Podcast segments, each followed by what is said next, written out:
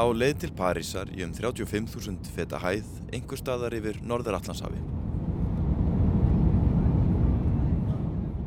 Eins og framkomi í fyrsta þætti var förminni heiti til Parísar vegna vinnu með umhverfisljósmyndarunum James Baylock í tengslum við 2001. loftlagsástöfnu saminuðu þjóðana haldinn í desember 2015. Að baki eru 20 ráðstöfnur með takmarkaðan árangur og 20. öldin með tilherrandi losungróður og loftegunda einna helst koldusýrings. Þar likur rót vandan samkvæmt vísindaheiminum sem undanfærin áratug hefur kveðið æharðar orðu um núverandi og framtíðar afleðingar slíkra losunar. Frá 1970 hefur losun koldusýrings aukist um 90% og er nú árleg losun um 9500 miljón rúmmetrar á heimsvísu. Mæleiningin og hlutfall koldvísýrings í andrúrslofti er ppm eða hlutar á miljón sem í upphafi árs 2016 náðu 400 markinu. Gildin hafa síðustu hundruðu þúsunda ára verið lægst 180, hæst 280.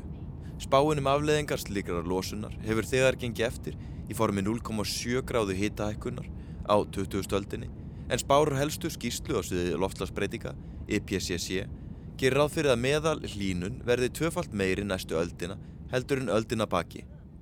Til samanburðar var hlínunni kjálfari síðustu ísaldar tíu sunnum hægari. Niðurstöður spálíkana hafa verið sett upp sem fjórar mögulegar sér eftir því hversu mikið eða lítið er spórna við áframhaldandi losun. Lægsta mögulega hlínun með að við 40-50% minkun á losun fyrir árið 2050 er 1,5 til 1,7 gráður en miða við yngar aðgerðir og hækkun á koldísýrinskildum upp í 1000 hluta á miljón eru 4,1 til 4,8 gráðu hækkun talin líkleg við lók þessar aldar. En varandi hver ber ábyrðu allir þessari losun bendir tölfræðin á Kína með um 28%, þar næst Bandaríkin með 16%, Indland 6, Rúsland 5 og viðtaka saklusari, nú eða fáminnari þjóðir, en umræðanu um loftlagsbreytingar og hlínun hefur skapað nýja orðræðu þar sem sekt og sakleysi koma mikið við sögu.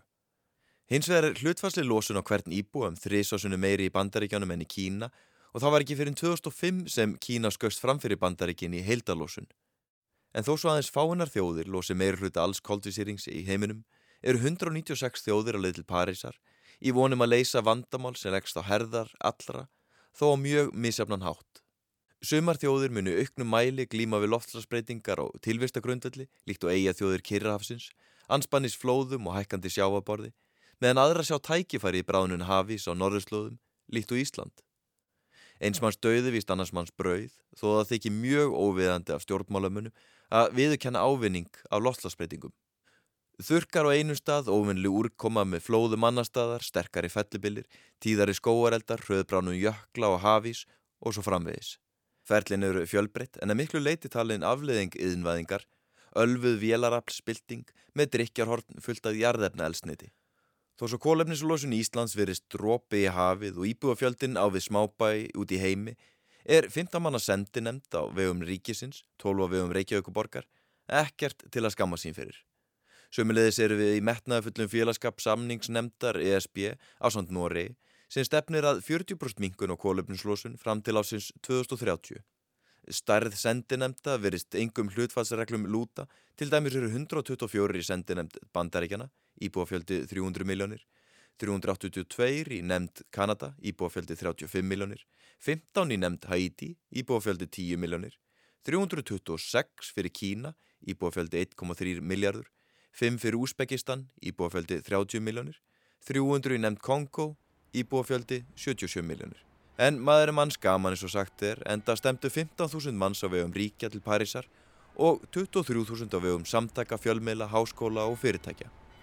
Við komuna til Parísar var það meðvitundin um hriðverk ársi 13. november sem breyttu upplifun og borginni. Á yfirborinu virtist lítið hafa breyst frá því ég bjó í París veturinn 2004-05 en það var bókstala undir yfirbörnu sem óttinn lindist. Þungvapnaðir hermenn gengum allar helstu lestastöðvar og var mér sagt að neðan er lestar borgarinnar hafi fyrstu daga eftir árasennar verið nær tómar vegna óvissu ótta og strætisvagnar og leigubílar voru full nýttir.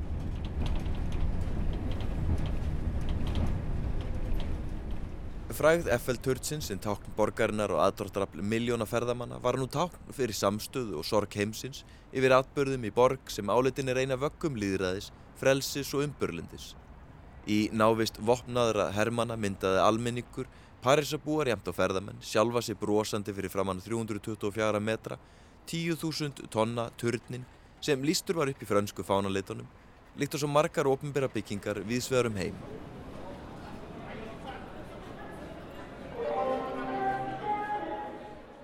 Dægin eftir heldum við til Montier-on-Der í Kampavins héræðinu vegna síningar á einni stærstu náttúrljósmyndaháttið í Európu.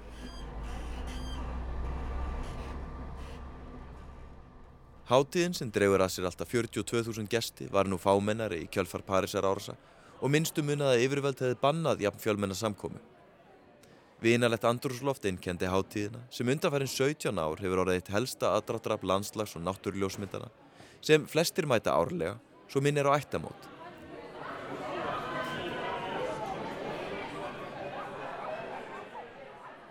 Forn fræð bæjarins leynist hins vegar í konunglu um hesthúsum þar sem hinnir viðfræðu Ardenhestar voru og eru ræktaðir. Þessar stóru og sterkbyðu skeppnur eru komna frá kyni sem Július Cæsar dáðist að og kausa nota í rittarliðsteltur sínum, ráð sem Napoleon og fyrirrennar hans fyldu.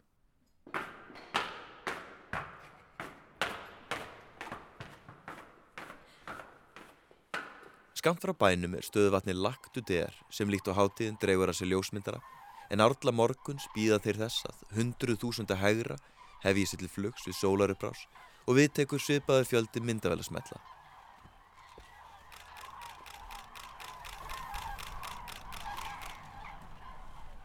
Kvöld eitt fann ég mig læstan inn í forgarði gisti heimilis þegar ég áttaði mjög umfangi öryggiskeslunar.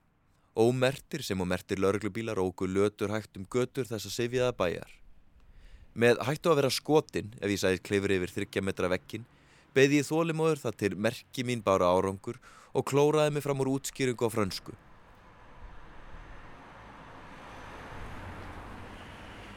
Þegar við snýrum aftur til Parísar tóku við viðbörlitli dagar. Fjölmiðlar föllunar engungum hriðverk árasinnar og tilvonandi kostningar og virtist hægri sinnaður þjóðurnisflokkur Marílinu Le Pen líklegur að hagnast á árasunum í formi atkvæða. Ég taldi vitulegt að útvöða með reyðhjól, ekki til að takmarka kolumnislósun mína, enda neðan er að kerfið á mörguleiti til fyrirmyndar, heldur til að geta séð byrtingamyndir ráðstöfnunar við sögurum borgina. Mér leiði skindilega eins og ég væri áratögu yngri, þeysand eftir götum Parísar, á köldum vetradögum, grípandi sjónræn augnablið mannlífsins, nema hvað nú var engin stella á aftursætinu, þáverandi fransk kærasta mín, eða besti vinnu minn Antoine á leið og listasýningar eða kaffihús. Síðla kvöld skekki brattar og þökla smákutur Montmartre hæðar eftir steinhlönum stígum og loksaðinni viðfræðu sakri kvörkirkju þar sem hundruði ferðamanna eru að jafnaði samankomnir.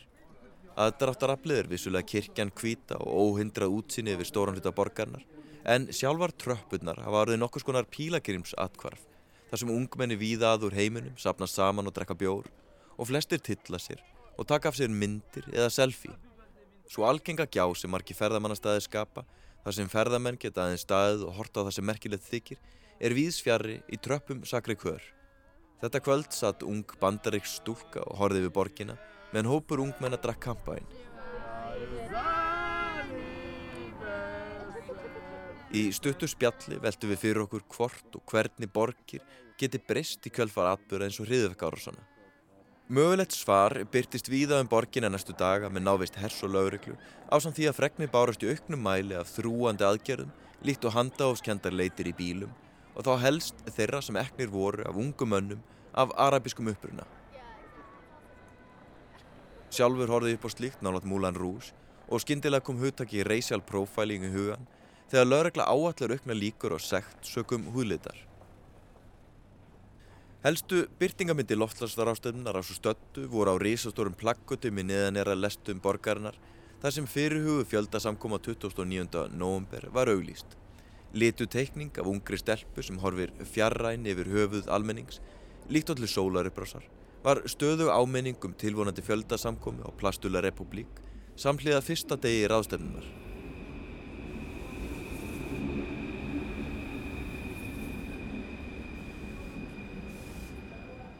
Gríðalegu fjöldi, hér sem og viðsvegar um heim, átti að skapa sínilega þrýsting á samningsæðila en fáinnum dögum eftir árasutnar hafði utaríkisræðaran Lorent Fabius lagt bann við öllum ofnbörjum samkomum Sérilagi eftir að flugeldar hafðu skapað múæsingu og óta meðan á minningaratöfn stóð. Þó bannið virtist kannski skiljanlegt í ljósi hættunar á fleiri árásum, komið fram rattir eins og aðgera sinni Naomi Klein sem töldu bannið merkið um þöggun, takmörkun á frelsi og valdi almennings til að vega upp á móti ójöfnu valdi stórfyrirtækja þegar kom að sjálfri loftlagsástömmunni. Hins vegar var fundin frumleg laust þegar 10.000 pör af skóm frá almenningi, Páanum, Banki Moon og tísku íkonu Vivian Westwood var komið fyrir á Plastula Republik torkinu 29. november. Uppur klukkan 10 að morgni voru aðeins nokkur undur mann saman komin, þar af stór hluti fjölmjölafólk. Skópurum var raðað upp í skyndi meðan hópur ástraska kvenna í englabúningum fluttu ádilugjörning á kólaðina en heimafyrir með lestri tilfinningaríkra brefa frá skólakrökkum. Hlínun, tíðari skóareldar og aðgerðlisi stjórnvalda voru meðal atriða sem Englandin miðluðu til heimsins í ljósi þess að hvítir vangir virtust hafa ómótstæðilegtar aðdráttarafl fyrir fjölmiðla. Englandnir voru nær einræði fram að klukkan 11 þegar bætast fór í flóru aðgerða sinna, skilta og gjörninga. Ímsi viðbyrði voru haldni samhliða, þar á meðal keðja af fólki, hönd í hönd eftir Voltaire Beristræti, fram í á tónleikastanum Bataclan til að minnast fórnalampa Parísar Árásona, sköpun háfaða vísöðurum borg, myndir af loftslas skilabóðum á samfélagsmiðlum og ímsar aðrar óhefnbundnar aðferðir sem á undarfarnum árum hafa orðið gaglegar leiðir til að vekja aðtekli í tölvuvætum heimi. Á torkinu hafði sjálfbærnissveit, jólasveit frá Kaliforníu, ekki undan að svara spurningum. Ungur maður satt í stuttbuksum með sólgleru, japanskir aðgera sinnar út húðuðu kjarnorku á japansku og hópur sem kennir sig við afar og ömmur klifti út pappirspjessa. Ólík samtök byggð á sama grunni má finna í Breitlandi, Kanada, Sviss, Nóri og víðar en áherslan er þrýstingur og yfirvöld að tryggja grundallaréttindi barna til að þroskast og dapna með því að takast á við orsakir lofslagsbreytinga. Snildina bak við aðkomi afana og amana er meðal annars að þau þurfi ekki að óttast afleðingar mótmæla fyrir starfsfélsinn sem er að baki. Rótækni þeirra er líka líkleri að ná lengra í ljósi þess að ofbeldi laurugluga hvort gamalmönnum er einfallega ekki cool eða ok eins og æska myndi segja og hver veit bera ábyrða hjartafallu ömmu þó svo hún sé búin að hlekja sig við hurðina á orkufyrirtæki. Andrúslofti var vinalegt, frumlegt og magnaðist með auknum fjölda. Upp úr hátegi hafði lögregla komið sér fyrir við allar helstu götur sem lágu frá torkinu og þannig skapað ákveðið andrúsloft augrunar. Sýnileiki dökklættra aðgerða sinna, hluti af róttakari hópum antifasista, kommunista og antikapitalista jógst.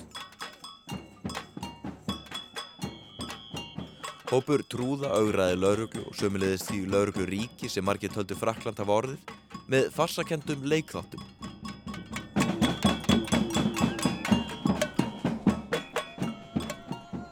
Tónlist og trommusláttur magnaði kraft og orku mannfjöldans.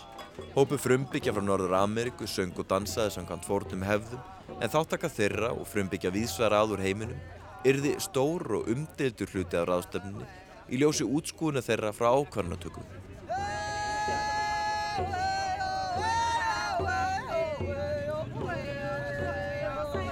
Rísavaksinn brúða, Marionetta, sveimaði rjóði kinnum og með annað brjóstið úti yfir torki með skilabóðin þið eru ekki marionettur og myndið þar með á að yfirvöld og stórfyrirtæki eru ekki hlutlus þegar kemur að miðlun upplýsinga.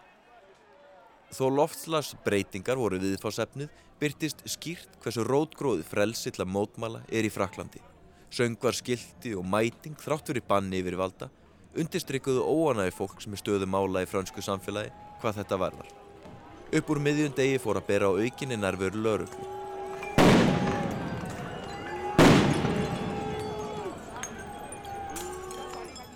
Littlir hópar dökklættra aðgerða sinna hófu að flega ímsum hlutum í lauruglu og við tók hefbundi ferli þar sem laurugla skýtur tárakassi, riðist fram, bakkar og mótmælendur færa sér fram að výlunni. Ljósmyndar og myndatökumenn standa til hlýðar og fanga á þennan dans. Glerflöskum, steinum, flugöldum og fleiri var kastaða óerða lauruglu en mestur neykslum vakti kertakast.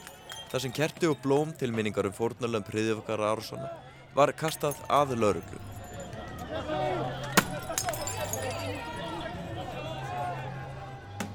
Táragas við tork og almenning sem skindilega var lokaður inni. Öllum útgöngulegðum var lokað.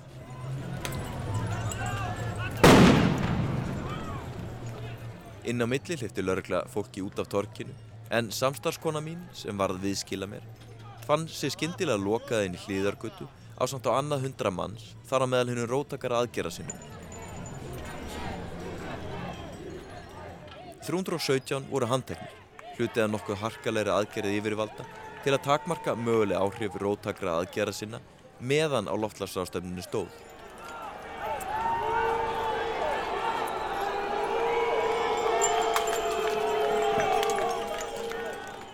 Hvort lagalög grundöllur hafi verið fyrir öllum handtökum var svo annan mál.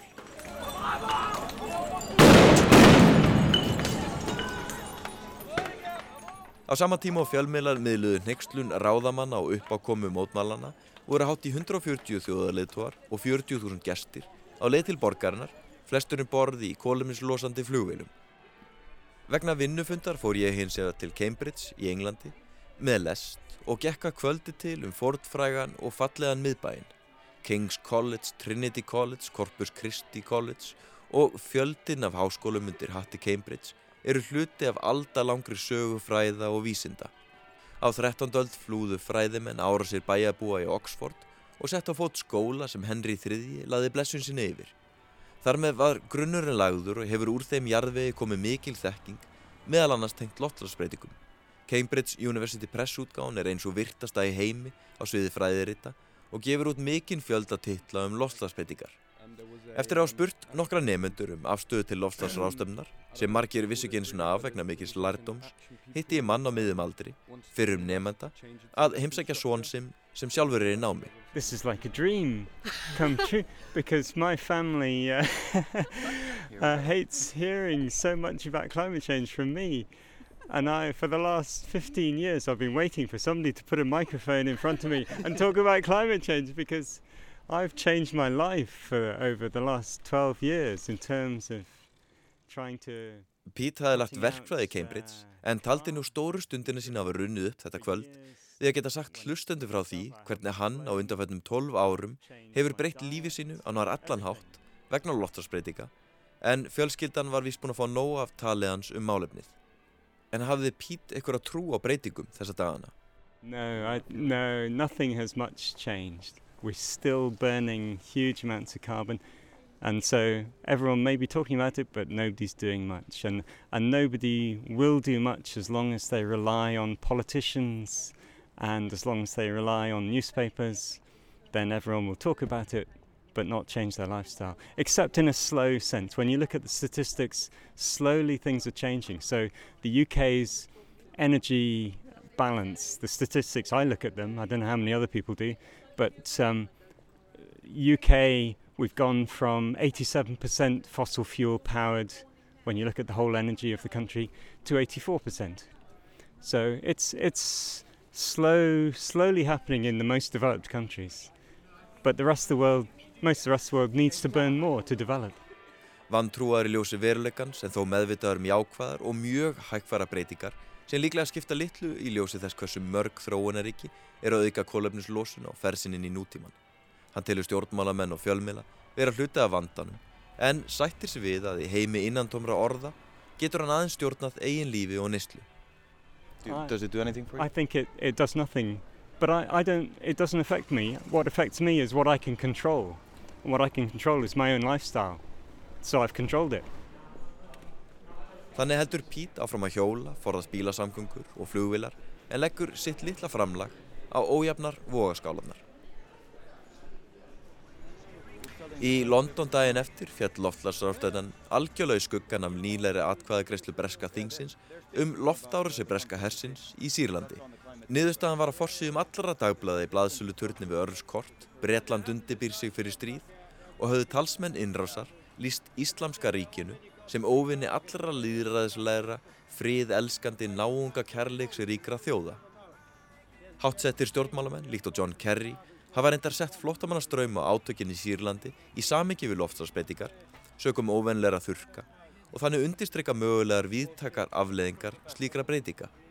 Hins vegar spurði ég fólk á götum Lunduna, engöngu um meðvitund þeirra um loftlarsástefnuna og viðfarsefni hennar. Eldri konur á hraðferðli læknis sögðu mengun áhugjafni, vissulega, og vísuðu sérstaklega til hrikalegs ástandslofsmengunar í Kína.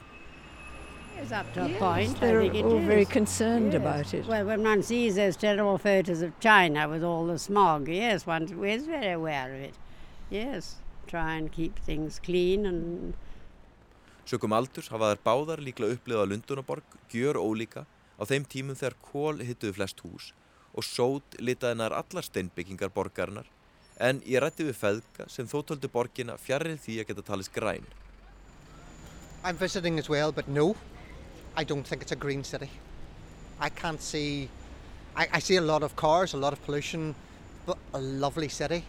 But a city is what it is. It uses a lot of electricity. Look at the neon lights that are around you. Noel, fadir David, telur borgina indala en fjarrir því að vera græn í ljósi bílaumferðar og líkt á flesta borgir með miklu orkuþörf. Ég spyr hvaða væntingar hann hafi til loftlas á stefnunar. I would like them to fulfil that and more of what they've promised so far because it'll really matter. For years to come, people like David here will suffer if we don't. We need to do it now. And do you feel that importance coming through the media? Do you hear a lot about it in the newspapers, the, uh, the television? Maybe not as much as you'd expect. Actually, I think it's been overshadowed a bit by other other things. Um, well, I suppose the uh, the obvious one is Syria, and the kind of what seems to be you know a more immediate threat or a, a slightly easier threat to visualise than climate change. Hann vonar svo innilega markmið og yfirlýsingar ríkja um losun verða veruleika enda telur hann framtíð og öryggi komandi kynnslóða í húfi. Umfjöllun telur David þó hafa fallið í skuggan af nýlegum hriðverka árásum. Fyrir utan hóteli voru Ben og Steve hluti að vegavinnu gengi að grafa upp götuna, áminningum stöðugt viðhald, endurbætur og breytingar á borgum með tilherandi kólöfninslosun, nú eða spartnaði til lengdar litið. Ég spurði hvað er töldi vera efst á baugi í fréttum. Moment, suppose, suppose, yeah, the Syrian thing at the moment. That's the biggest thing, I suppose. But Immigration, that's what I need to do. I mean, they're having a meeting about climate change. We've got a bigger problem in the world at the moment. The, Syr- the Syrian. That's a bigger problem, isn't it? Yeah. So the decision made last night, what did you think about that? Good. Yeah. Yeah, it was a good. You've got to do it. They started. Yeah, I know. Yeah, they started. It's a good decision. But it's the same as them coming here and bombing us. You're killing their civilians. Flóttamanna vandinn og ástandið í Sýrlandi töldu þeir mun meira vandamál heldur en loftslags hlínun og sögðust styðja breskar loftárásir. Hins vegar benti Ben á að árásetna var ekkit öðruvísi heldur en ef sýrlendingar gerði árás á Lundun að búa þar sem borgarar myndi falla. Bláköld staðarind sem sent kemur fram í ræðum og réttlætingum stjórnmálamanna.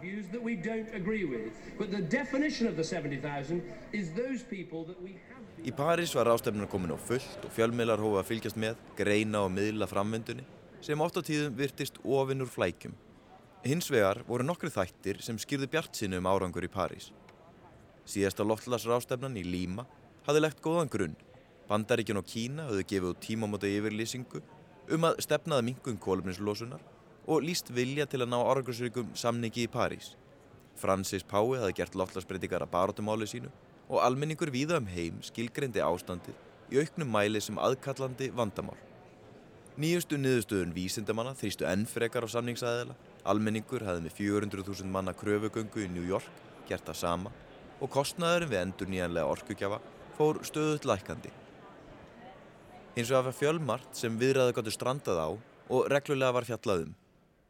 Sjálf ráðstefnan og samningsviðræður bláasvæðisins voru það eins lítill hluti af viðburðum COP21. Sumi viðburði voru oppir almenningi, auglýstir og sínilegir, en aðrir voru aðeins fyrir bóðskjæsti.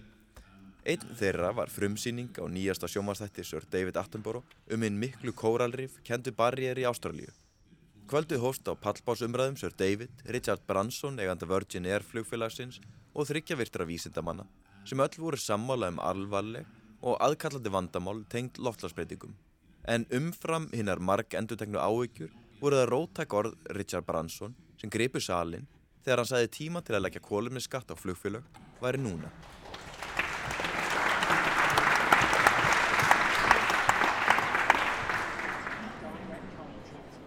Í Grand Palais, fórn fræg bygging sem minnir á viktorianst gróðurhús, var hins vegar stór vettvangur fyrirtækja. Í velhönnuðum básum kynntu nokkur alþjóðlega stórfyrirtæki, vöru sínar og skilgreindu sem hluta af grænum lausnum framtíðar. Þessi bjarti opni vettvangur, þó með mikla öryggiskeslu, var í hugum margra hluti af grænþvotti raðstöfnunar þar sem stórfyrirtæki gáttu keft sér græna ímynd. Súgagrinni beindist einni af útbreytum auglýsingaskiltum og strætóskílum og víðar sem veitti mengandi stórfyrirtækjum vettvang til að skapa óraunhafa ímynd. Ansvar hóps aðgera sinna og listamanna var að hanna eigin ádelu auglýsingar og smikla þeim inn í þar til gerða kassa. Þannig blasti við borgarbúum skopleg og bagaleg sín og afstöðu stórfyrirtækja að gróði kemur undan öllu öðru. Sömu leiðis höfðu aðgerða sinnar mótmaltin í Grand Palais en viðbröð öryggisvarða og lauruglu þóttu sína hvaða hagsmunir var raunverulega í húfi á ráðstöfninni. En meðal frumkvöla rætti við Horace Luke, stopnanda á framkvæmdastjóra GoGoro, vespufyrirtækis sem hefur fangað stórluta markaðarins í Taipei, höfuborg Tævan. Hugmyndin byggjar á hlæðslustöðum, nú hundratalsins, þar sem vespauðendur skella batteri í hlæðslu í skiptum fyrir full hlaðið. Horace lísti veruleikunum í Asju og nöðsinn þess að þróa nýja tækni í samgöngumálum. Going into a global middle class means that you're just simply moving into a big city out of poverty and now you have an income. And that changes the way people use energy. Uh, For example, if you think about where your best friend would be in a village, it might be the be- be- best friend might be living across the street or down the street from you. In a big city, they're living across the city. That changes the way people use energy, especially in transportation. Miðstættavæðing Asju þýðir auk bætts efnahags, flutningur sveit í borg og þar með gjörbreytta vegalindir í samgöngum. Því sé nöðsynlegt að skapa umhverfisvænan og hagkaman kost, uppskrift sem í ljósi velgengni fyrirtækisins virðist virka. Það var hins vegar komin tími til að fara í pílagrimsför og heyra eina róttækustu rödd á sviði lofslagsmála. Floor lighting will guide you to an exit. Please be aware. Að kvöldi til í Róm. Hundruðu lauruglumanna lokuðu leiðum að torkja heilas Pétus í Vatikanninu. Daginn eftir var von á 2000 pílagrima við upphaf hátíðar miskunar þar sem Pávin myndi ávarpa viðstata. Ég átti hins vegar hann á einni ljósmynd þegar myndbrótur jöklaverki okkar er í varpað á Basiliku heilas Pétus um kvöldið á samt hundruðum mynda af dýralífi í útrýmingahættu. Næsta dag stóð ég umkrindur pílagrimum og varð vitni að viðburði sem jafnvel íslenskir vikingar lögðu leið sína til.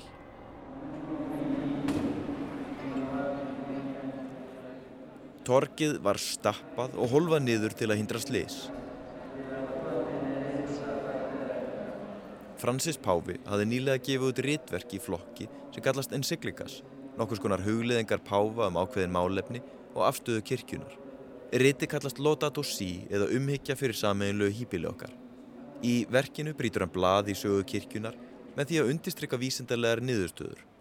Lestur þessara bókar opnaði augum mín fyrir markbreytilega nálgana á vandamálið og neytti mig til að horfast í augu við möguleikana á skilgreinu loftlagsbreytingar út frá gjör ólíkum forsendum en ég hafði vanist.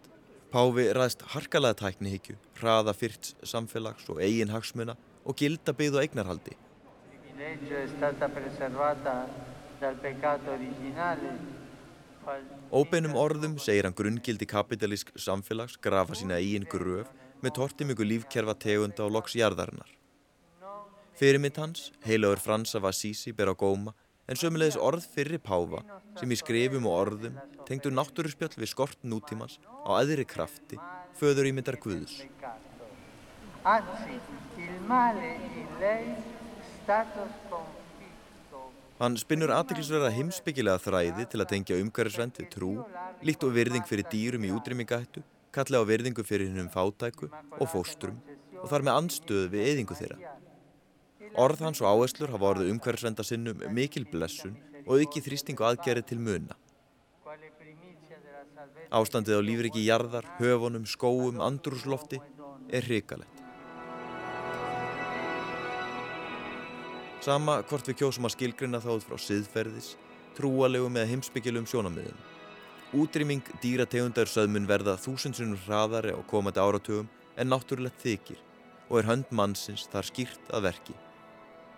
Páfi er meðvitaður um alvarleika ástands sem í auknum mæli hefur verið sett fram sem möguleg sjötta fjöldaútrýming dýrategunda, ferli sem ávalt hefur tengst hraðri aukningu koldísýrings í andrúslofti.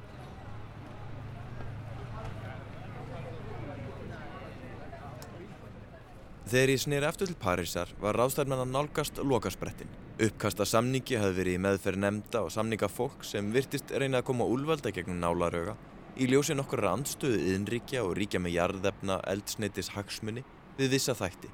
Fyrir nefndu áttu erfitt með að sætta sig við fjárháslega ábyrð og vekkferð þróunaríkja til vissfætna orkugjafa, nokkur skonar yfirbót fyrir forskot yðmaðingarinnar og hinn síðar nefndu voru líklega logandi hrætt við orðalag sem vísaði til endaloka hagkerfis byggt á jarðefna elsniti. Sömulegis var óvíst hvort skildi stemta takmörkun hlínunar við 2 gráður með að við fyrir yðnbildingu eða 1,5, nokkuð sem eigaþjóður laður ríka áherslu á í ljósi hækkunar sjávarbors. Hins vegar voru fjölmörg smáadri og orðalag sem skorum voru úr tekstónum eða sleft. Blek á bladi á sér þó byrtingamindi lífi miljóna, afkomu og réttundum. Fyrir utan þá nextlanlegu staður reynd að sjálft hafið var ekki inn í tekstónum, voru réttindi frumbyggja á skurðaborinu.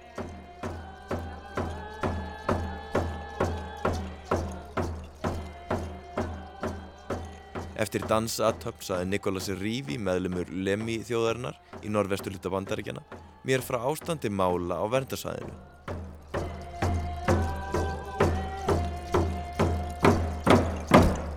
Um, our water, our waters are polluted, and right now we're fighting against getting a coal train built on our ancestral land in Sandy Point. They're trying to build a, a terminal, coal terminal, right on top of our burial land, and right now right now we're fighting against it because we're against having the uh, the coal people build a terminal on our ancestral lands. And just because our waters are already so polluted that we can barely go out and go fishing we can't go crabbing or we can't go clam digging or go pick oysters because we can't eat them because it's polluted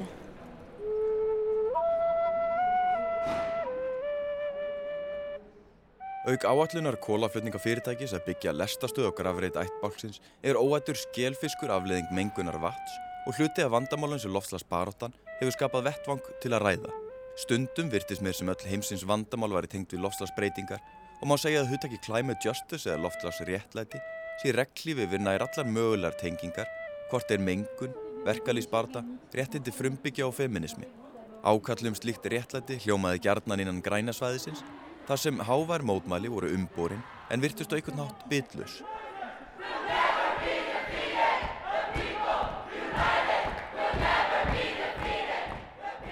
Þar sem dvöl mín hafi verið í kringum ráðstefnuna án þess að hafa hinn eftirsótt á íllfáanlega passa inn á bláasvæði samningarnemnda spurði ég Jay Reynolds sem starfar í að breskum æskuli samtökum með áherslu og lofslagsbreytingar um fyrirkomala á andrúsloft bak við öryggisliðið. So once you've gone through security, there's like a main sort of avenue down the center and they call it the Champs-Élysées where it has the mini Eiffel Tower at the end. And on the right side is... Bláasvæðið samastendur af megin gangi nefndur Champs-Élysées með lítinn Eiffelturn við endan og síningaskálum þjóðuríkja og fyrirtækja. Stærð og útlitt er vísir að hver á í hlut og nefnir um bandaríkin Indland og oljuframleysluríkin þegar kemur að mikið fenglu um skálum. Sitt hverju megin séu fundarými og ráðstöfnusalir, sumir opnir öllum, aðrir ekki. And then uh, Africa um, and then the sort of the US and the Gulf are like sitting in a in a meeting with someone and being able to criticize them in a in a constructive way to their face um, can be very powerful. That they do, the kind of message that they don't hear when they're surrounded by people who are all congratulating each other and being very diplomatic and all telling each other how great they are. Varandi áhrifamátt, mótmæla, samtaka, aðgera sinna og þeirra sem standað vissuleitu utan við valdið á bláasvæðinu sagði hún mögulega áhrif felast í beinum samskiptum við diplomata sem eiga það til að einangrast frá veruleikonum. En veruleikin fyrir utan Le Bourget fólst í Kurt Olegard að dreifa smokkum. We're here uh, handing out condoms to remind people that the world's biggest climate problem is too many human beings. And we want every country to sit, sit down and discuss how many do they have feeding capacity of in each country. Because the more human beings, the more CO2 emissions, the more pollution, the more climate problems. Hvort að ráðstefnan sjálf var vettvangur skyndikynna skal ósagt látið en í huga Kurt snerist vandamálið um fleira fólk, meiri kólefnislosun og taldi því fólksfækkun vera líkilatriði. Þó slík skoðun haft valdið mikillinn nextlan var Kurt, fjórabarnafaðir, ekki vanur að kippa sér upp við slíkt. Dag einn rakst ég á annan róttakan mann á göngum grænasvæðisins nefnum hvað áhrif hans eru viðtakari og hafa valdið oljufyrirtækjum miklum áhyggjum. Ég spurði Bill McKippen, stopnanda 350.org sem hefur búið að endalóku oljuframlýslu, hvað myndi gerast á lokadegi ráðstöfnunar 12. desember. Oh, well, December 12th, hopefully we'll get out and get lots of people out in the street. And, you know, the organizing starts again December 12th. These guys go home, we go back to work. And how do you feel at the last days of this COP21? Tired. Exhausted. What about you? Pretty good. Good. Pretty Well, good. you're young. See, that's the thing. Nú vonandi stór mótmæli og eftir það heldi vinnan áfram og áfram og áfram. Bill var döðþreyttur líkt og svo margir sem síðustu daga höfðu unni sleitu löst við hann á lendingu og forða ráðstefninni og vonum heimsins frá strandi.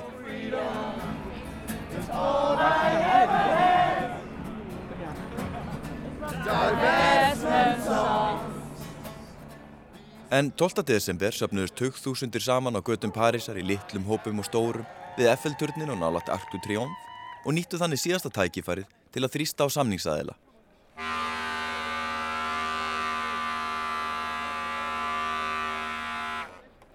Ég hefði heyrt rattir ólíkra hagsmunaðila, fræðist um lausnir eins og dælingu koldvísýrings í jörðu, kólefnismarkaði, ramagsvespur og sólarorku.